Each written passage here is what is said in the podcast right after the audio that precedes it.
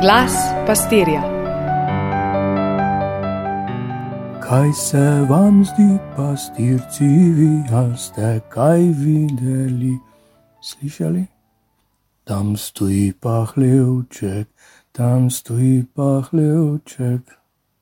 Sveta noč, blažena noč. Se vam še poje?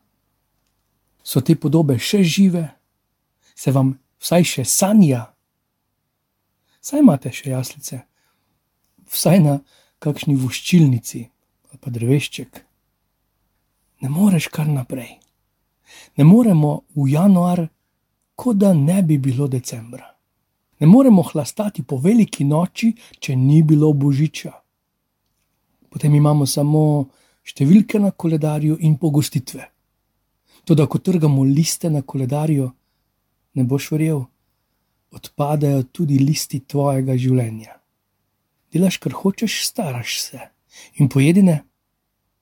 Po potici niti nimaš več skomin, najverjetneje ne znaš več speči, orehov tako ni več za dobiti, kupiš pa jih lahko tako vsak dan v tednu in vse dni v leto.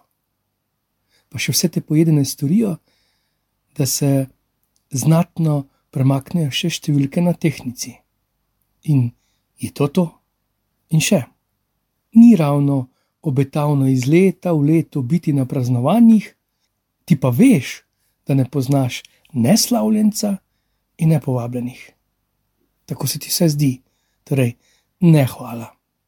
Ampak v božič si bil povabljen, kar spomni se zelo, zelo dobrodošel, zaželen in ne samo ob njegovo rojstvo, bil si del tistega dogodka in poti, niti bilo vseeno o božjem rojstvu.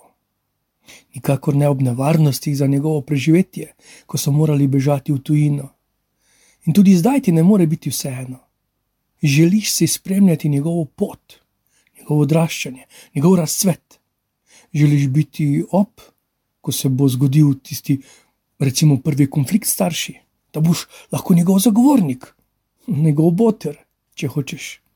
Želiš biti ob njem, ko ure in ure opazuje naravo, gleda ribiče, očeta pri delu pa mu pomaga. Želiš biti zraven, ko vstaja zjutraj in se umika v molitev. Želiš si biti zraven, ko se zgodi prva zgodovinska bitka v puščavi, ko zmikaut, lažnivec, tat, oče prevare in zlorabe besede ostane brez besed. Mladenič pa po puščavi, po postu, vedno bolj potrjen v očetov in njegov prav. Želiš si biti zraven, ko v kani zmanjka vina. Ti si želiš potem še večkrat, da ga zmanjka, ker je potem vino še boljše. Mogoče tudi zato tako rad zamujaš, da bi ti zmanjkalo časa, ker bo on naredil potem vse še boljše, tudi tvoj čas. Želiš si biti zraven, ko so se delali razsodniki nad življenjem in smrtjo in bili pripravljeni krive in nedolžne oproščati in obsojati, on pa je z besedo ali brez naredil red. Kje vse želiš biti zraven? Kako ne moreš pustiti svojega otroka? No, pa smo ga rodili. Poiščite me čez par let, ko bo spregovoril, shodil in bo potreboval kakšne inštrukcije, recimo iz varne vožnje saj za rojsten dan bom že prišel blizu na kakšno tortico. Tudi na bolj verske ceremonije me lahko povabite, recimo Birmo pa maturantski izlet. Z obema je strošek, ampak spodobi se. Ta teden smo obhajali Jezusovo razglašenje, vse te tri kralje, tri modre. Vedno znova jih slikamo kot pobožne, kar so bili, ali kot znanstvenike, kar so verjetno tudi bili. Tako težko pa si predstavljamo, da so bili pobožni znanstveniki. Kaj je s tem narobe? Zakaj je tako težko sprejeti, da bi lahko bil znanstvenik veren? Pred nekaj leti je bila narejena raziskava, kakšno je razmerje vernih in nevernih znanstvenikov. Govorimo o sedaj živečih. Rezultat? Skoraj enako, pol pol. Ne govorimo o Newtonu, Koperniku, Mandlu, Voltu, Amperu, še celi vrsti mogočnih, vernih, pobožnih imen. Če je še malo nazaj bilo čisto logično in sprejemljivo, da je lahko znanstvenik vern, se sedaj kaže že druga premisa. Ob epidemiji je vzniknilo še drugo verje. In sicer ne verujem Boga in bogove, in ne verjamem v znanost, zdaj mi pa dokažite. No, naj se sliši še tako nevrjetno, ni prvič. So bili svečeniki in kralji in ljudstva in plemena, imeli so kulte in obrede, zakaj ne še ta kult, to svobodno obredje, svobodnjaško. Vrti se zaenkrat še vedno okoli mene veličastva, prebuja se pa čut tudi za naravo, malo iz solidarnosti, bega iz tega divjega templa in pa v veliki meri tudi iz strahu. O pogledu na tri modre, tri kralje, tri mage, pa mi deluje domišljija. Trije modri danes, s čim bi se ukvarjali, kako bi se podali na pot, kako bi potekala pot iskanja danes, kako bi izgledalo srečanje z novorojenim, kako bi se znašli potem po božiču, moški v enem iskanju. Vedno mi je bilo všeč njihovo popotovanje, njihova tenkočutnost, pobožnost, to, da so razbrali iz znamen, ta odprtost Bogu. Zadnje čase pa me bolj zaposluje njihovo življenje po srečanju z Gospodom. Zato, kako ste, kako ste, zdaj po božiču ko smo doživeli Boga, ko se vračamo med ponedeljke in petke, med vikende in praznovanja.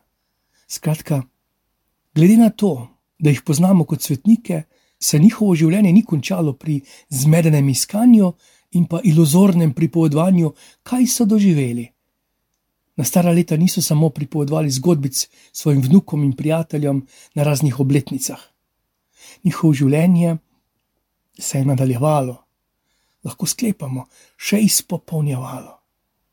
Želim si duha svetih treh modrih, ki iščejo in hrepenijo, si upajo iskati in iti na pot. To je spet sinoda in nič novega. Želim si duha treh modrih, ki so pobožni in razumni, se ne skrivajo za verskimi floskulami in ne bežijo v poprečni materializem vsakodnevnih obveznosti in tisoč in ene oblike izgovora: nimam časa. Želim si srčnosti svetih treh kraljev, ki, ko najdejo več, kar so iskali, ne ostanejo pri tem.